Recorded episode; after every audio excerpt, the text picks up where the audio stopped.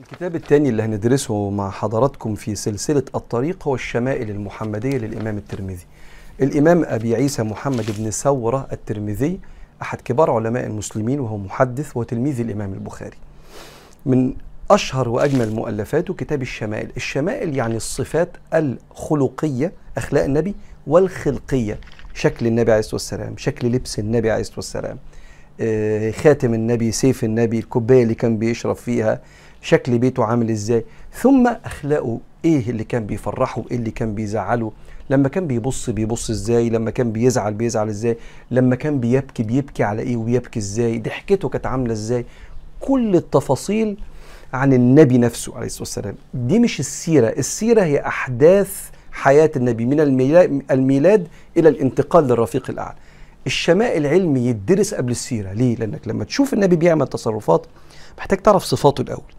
ليه هنا سكت وليه هنا اتكلم؟ آه علشان عشان عرفنا عن النبي كده. ليه هنا حارب وليه هنا سالم؟ ليه هنا سامح وليه هنا عمل وقفة عليه الصلاة والسلام؟ وبالتالي محتاج تعرف الأول النبي ثم تشوف بعد كده أحداث حياة النبي.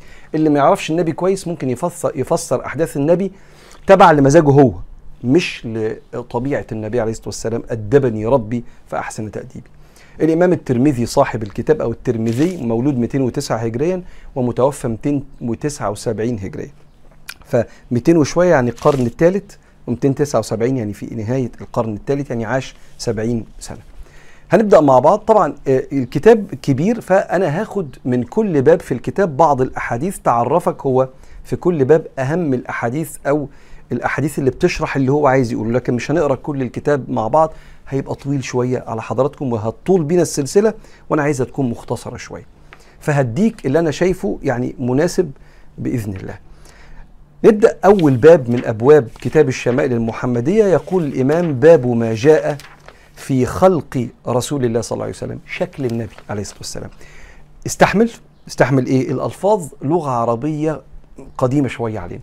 فأنا هقول لك هو كان بيوصف النبي إزاي وبعدين هفصل لك الكلام. بيبدأ الحديث إن سيدنا الحسن سأل خاله هند بن أبي هالة عن حلية النبي عن وصف النبي. فقال له قل لي كده شك وصف النبي فإني أشتهي أن تصف لي منها شيئا أتعلق به. الحسن حفيد النبي الحسن والحسين سبطي النبي. السبط يعني الجد ولاد بنته. الحفيد ولاد ابنه. فدول سبطي النبي عليه الصلاة والسلام. فالحسن والحسين الحسن اتولد سيدنا علي وسيدتنا فاطمة اتجوزوا اتنين هجريا في سنة غزوة بدر. فخلفوا الحسن ثلاثة هجريا والنبي انتقل أول 11 هجريا فتقريبا كان عنده سبعة ثمان سنين. فيعني برضه النبي انتقل للرفيق الأعلى وهو صغير والحسين اتولد بعديه بسنة. فراح سيدنا الحسن لما كبر لابن السيدة خديجة كان اسمه هند. هند ده راجل وكان زمان العرب يسموا هند للولد والبنت. فقال له يا خالي أنا يعني النبي انتقل للرفيق الأعلى وأنا كنت لسه صغير. ما تحكي لنا عن النبي كده لأن سيدنا النبي لما اتجوز السيده خديجة كانت متجوزة قبله ومخلفة رجالة كبار. فهو فاكر النبي وفاكر شكل النبي كويس. فقال له كده ما توصف لي النبي عليه الصلاة والسلام. قال كان رسول الله صلى الله عليه وسلم فخما مفخما يتلألأ وجهه تلألؤ القمر ليلة البدر. أطول من المربوع وأقصر من المشذب. عظيم الهامة رجل الشعر. إن انفرقت عقيقته أو عقيصته فرقها وإلا فلا يجاوز شعره شحمة أذنيه إذا وفره. واحدة واحدة. قلت لك استنى على الألفاظ شوية. كان النبي فخما مفخما. كان النبي عنده هيبة خلقة ربنا بقى. شيء بيقذفه ربنا في الإنسان.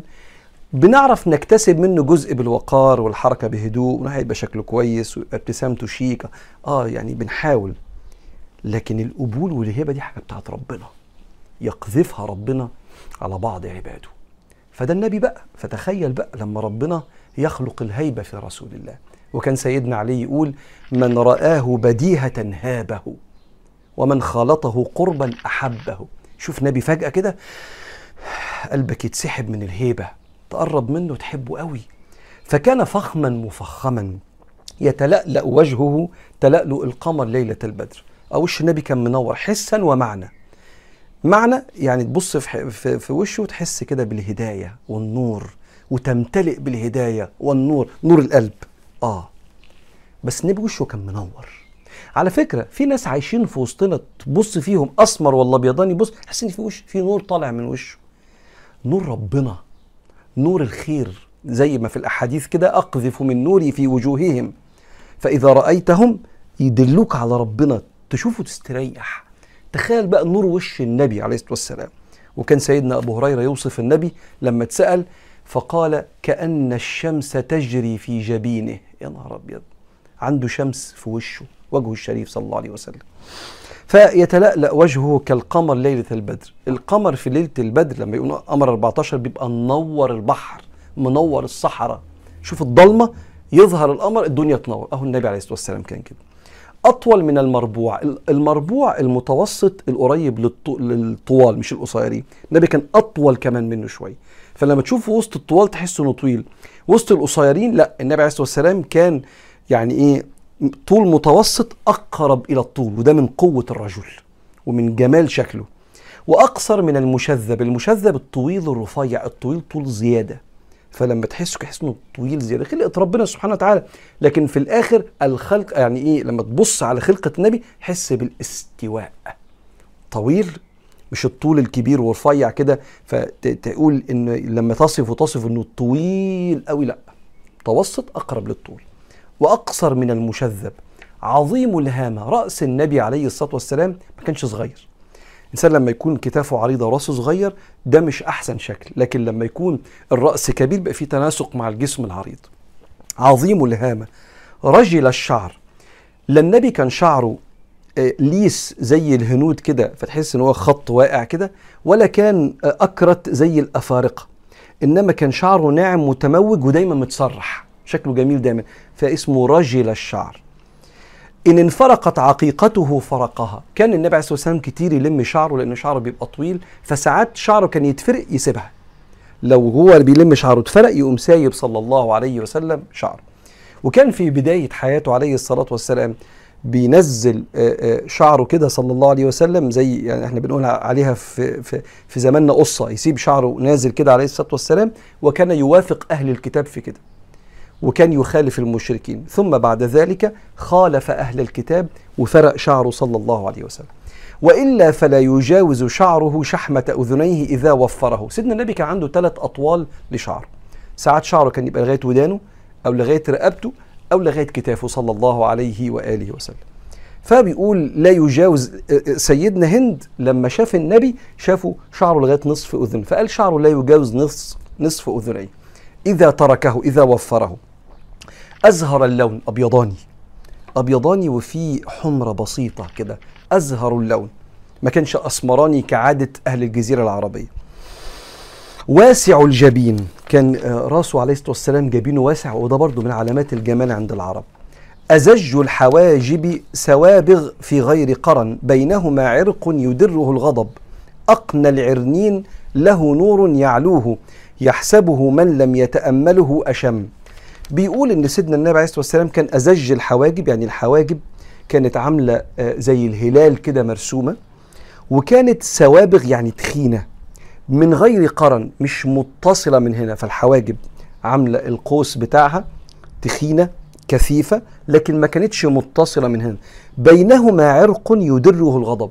الغضب خلق مش مذموم. التصرفات الغلط اللي بتطلع من الغضب هي اللي مش حلوة. لكن الغضب ده طبيعة بشرية. تفرح للشيء اللي يفرحك وتتضايق من الحاجة اللي تضايقك. المهم كيف تتصرف؟ فكان لما يغضب يبان في العرق اللي كان يظهر عند رسول الله صلى الله عليه وسلم. بينهما عرق يضره الغضب. أقنى العرنين. الحتة دي عند سيدنا النبي عليه الصلاة والسلام في مناخيره اللي ما بين فتحتين. المناخير كانت طويلة ومرفوعة لفوق سنة كده ومناخيره رفيعة. أقنى العرنين. له نور يعلوه بص على وشه تحس ان وشه منور. بصيت له كده من أي جانب تحس إن في نور جاي على وشه. صلى الله عليه وسلم. يحسبه من لم يتأمله أشم. لو بصيت للنبي فجأة كده تحس إن مناخيره مرفوعة كده. من جمالها لو ركزت تلاقيها مستوية بس انت أول ما تبص عليه كده عشان المكان ده كان طويل عند سيدنا النبي ومناخيره رفيعة وجميلة كده اللي ما يتأملش قوي يفتكر إن عنده حتة مرفوعة من هنا كده. يحسبه من لم يتأمله أشم. كث اللحية. سهل الخدين ضليع الفم مفلج الأسنان. دقيق المسربة. كأن عنقه جيد دمية في صفاء الفضة. بيقول إن النبي كان كث اللحية. وتحس إن هم كاميرات بتصور. بص على النبي بيوصف تفاصيل قد إيه كانوا متعلقين بيه. لحيته كانت كثيفة مالية صدره صلى الله عليه وسلم كث اللحية. سهل الخدين آه، خده كان هادي وناعم ما فيهوش نتوءات كتيرة عليه الصلاة والسلام. ضليع الفم الفم مش صغير. والفم الكبير عند الرجال دليل على الفصاحة. فكان ضليع الفم. مفلج الأسنان. سنانه كانت فيها سنة بعيد عن بعض كده. مش راكبة فوق بعض بعيد سن عن بعض وده من جمال الأسنان. دقيق المسربه المسربه عبارة عن خط من الصدر كده شعر نازل لغاية السره كأن عنقه جيد دمية في صفاء الفضة. عارف لما تيجي ترسم تمثال وترسم رقبته فيها عضلات كده وشكلها حلو بترسم عضلتين هنا كده أقوياء كده والرقبة مرسومة كده فيها قوة. أهو سيدنا النبي عليه الصلاة والسلام بيوصفه كأن عنقه جيد دمية في صفاء الفضة. كأن في كأن الرقبة مرسومة من جمالها كده. لأن الرقبة من لما مثلا بتكون مثلا مليانة شوية رفيعة شوية لا النبي عليه الصلاة والسلام اعتدال الخلقة بقى. معتدل الخلق. بادن متماسك سواء البطن والصدر عريض الصدر بعيد بين المنكبين ضخم الكراديس. كان النبي عليه الصلاة والسلام عارف لما تلاقي واحد معصعص معضم؟ لا. ولا مليان تخين فتحس إن جلده متني أو في بعض الترهلات لما الواحد بيتخن شوية؟ لا. كان بادن متماسك يعني كان جسمه مش رفيع العظم مش عظم النبي مش باين كان فيه عضلات وفيه جلد لكنه متماسك. مفيش عنده شحم زائد صلى الله عليه وسلم. قوة اعتدال. جسمه يعني النبي عليه الصلاة والسلام. ساعات كده أحب أمدح النبي أحس إن الكلام أقل بكتير من النبي فالكلام مش بيسعفني يعني. فتقول النبي بس عليه الصلاة والسلام. سواء البطن والصدر. فيش بطن مفيش كرش فالبطن والصدر حاجة واحدة. عريض الصدر بعيد ما بين المنكبين. ما كانش كنز كان عريض فكان كتافه المنكب والكتاف. ضخم الكراديس. الكراديس هي المفاصل اللي ما بين إيه إيه الأعضاء. فعندك الكوع وعندك المرفق هنا وده اسمه المرفق وده اسمه الرزغ أنا آسف. عندك الرزغ وعندك المرفق وعندك الكتاف. فالكراديس دي لو كانت كبيرة تشيل عضلات كبيرة. لو كانت رفيعة تشيل عضلات رفيعة. فكان النبي عليه الصلاة والسلام جسمه مستوي والمفاصل دي كبيرة. علشان صلى الله عليه وسلم كان قوي. ضخم الكراديس أنور المتجرد. لما أو المتجرد. لو كان في حتة من لبسه يعني وقعت كده مثلا لابس جلابية فيوطي كده فيبقى فاتح صدره مثلا صلى الله عليه وسلم فتح آسف الزراير وده كان السنة. لأن دي كانت حر قوي. فكان يلبس الثوب القميص يبقى فاتح الزراير. فمثلا لو حاجة مالت كده ما فيش شعر في الأماكن اللي في الصدر. جسمه يبقى منور كده من غير شعر في الأماكن العالية اللي لما بيتجرد من ثيابه حاجة تبان منه فتحس بنور وليس شعر كثيف يعني. أنور المتجرد. موصول ما بين اللبة والسرة بشعر يجري كالخط. اللبة الحفرة اللي هنا. لغاية سرته صلى الله عليه وسلم في خط شعر كده. عاري الثديين والبطن مما سوى ذلك. ما عندوش شعر في الثديين ولا في البطن. أشعر الذراعين والمنكبين وأعالي الصدر. شعر النبي كان في أعالي الصدر كده والذراعين والمنكبين. طويل الزندين رحب الراحة شثن الكفين والقدمين. الزند العظمة دي اللي ما بين هنا الرسغ وما بين المرفق كان الحتة دي طويلة. وده من قوة العرب في مسك الرمح وبيصطاد عشان ياكل وفي مسك السيف لو بيدافع عن نفسه فالحتة دي كانت عند النبي مش قصيرة صلى الله عليه وسلم. رحب الراحة كفه ما كانش رفيع كفه كان تخين أو بمعنى دق قوي. في شيء من الاعتدال كده مش تسلم عليه تحس إن إيده رفيعة لا كف بقى. يعني إيه؟ الناس طبعا بنتكلم علينا إحنا بقى الناس الشغيلة بيبقى باين في, في إيديهم عاملة إزاي من المجهود واللي اللي بيتعمل بالإيدين. رحب الراحة شثن الكفين والقدمين. كمان قدم النبي ما كانتش رفيعة كانت كبيرة وقوية كده. سائل الأطراف أو قال شائل الأطراف. سيدنا النبي عليه الصلاة والسلام أطرافه ما كانش فيها ترهل أو ما كانش فيها تخن إنما كانت معتدلة معضلة كده فتحس بسيولة كده ما فيش تنايات في أطراف النبي صلى الله عليه وسلم. خمصان الأخمصين مسيح القدمين ينبو عنهما الماء. مش ممكن الوصف. مش ممكن سيدنا هند وباقي الصحابة لأن في أوصاف للصحابه كتير يوصفوا النبي. مش ممكن التركيز مع النبي. لما مركزين في شكله كده أمال كلامه وأفعاله كان بيعملوا فيها إيه؟ فبيقول خمصان الاخمصين اللي عنده flat foot الأخمص اللي هي الحتة اللي بتبقى لازقة من رجليك من جوه كده في الأرض. اللي عنده flat foot تبقى لازقة ما عندوش تبقى بعيدة كده. فالنبي كان رجله بعيدة قوي عن الأرض. يعني عكس الفلات فوت خالص بقى.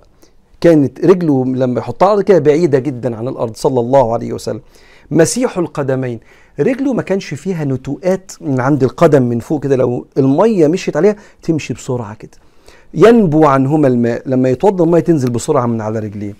إذا إذا زال زال تقلعا. لما كان بيمشي عارف أنت مكسر تمشي بتكحت رجليك في الأرض كده؟ لا النبي كان بيمشي بيشيل رجليه من الأرض بسرعة وبقوة كناية عن الجدية والانشغال وكناية عن عن حاجات كتير. لما تشوف النبي كده من إيه من شعر رأسه إلى رجليه تحس كده باكتمال الإنسانية.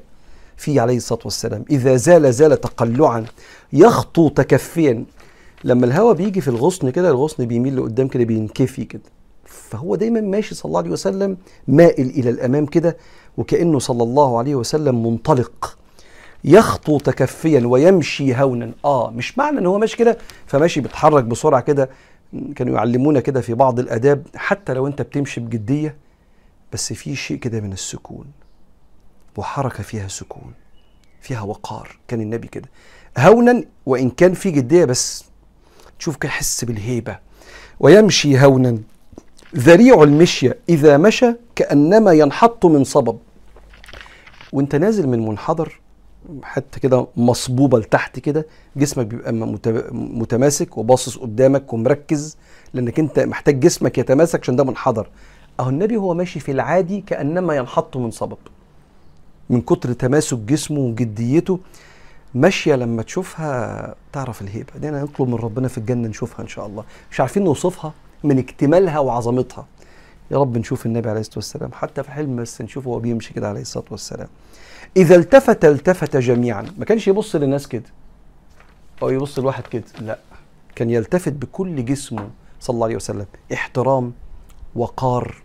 حاجات كتيرة بقول لك الألفاظ ساعات ما تسعفنيش في وصف النبي. وتقدير للشخص اللي بيتكلم معاه إذا التفت التفت جميعا. خافض الطرف. جل نظره إلى الأرض أطول من نظره إلى السماء. أغلب بصيته كانت تبقى للأرض صلى الله عليه وسلم. صاحب الأفكار وصاحب الهمة وصاحب الهموم غالبا بيبقى مركز فيها كده دايما. فأكتر نظره لا للأرض وليس للسماء. جل نظره الملاحظة. لحظوا العين الحتة دي. آخر حتة في العين كده جنب الودان. فكان النبي كتير يبص بلحظ العين. ليه؟ لأنه عارف أنت لما حد يبص لك بصة كده فتبقى أنت مرتبك. أو يبص لك بصة كده فأنت تبقى مش عارف تبص له في عينيه. والنبي كان عنده هيبة. فكان بيراعي ده. فكان بيبص كده نظرة فيها محبة. جل نظره الملاحظة. وتفهم من الملاحظة إنه نظرته كانت بتبقى لما وراء قلبك كأنه بيبص كده بيفكر في مشاعرك وأنت بتتكلم وحاسس بيك. ملاحظة. يسوق أصحابه ويبدأ من لقي بالسلام أو أو يبدر من لقي بالسلام. يسوق يعني يمشي ورا. أصحابه قدامه وهو ماشي وراه. عشان لو في حد تعبان ولا حاجة يطمن عليه مش لازم دايما يبقى قدام لا اتفضلوا أنتوا وأنا جاي. ماشي وراكم. ولو انت موجود يبدأك بالسلام لما يشوفك. يبدأ من لقي بالسلام. يبادر من لقي بالسلام. أيوه. أيوه بس هو الكبير وأنت الصغير. آه. هو اللي يبدأك دايما. عشان يحسسك بقيمتك. عشان يعلمنا إن إحنا نبدأ بالسلام. وخيرهم الذي يبدأ بالسلام. ده كان وصف النبي عليه الصلاة والسلام في باب ما جاء من خلق النبي عليه الصلاة والسلام في كتاب الشمائل المحمدية للإمام الترمذي في المجلس الأول من سلسلة الطريق.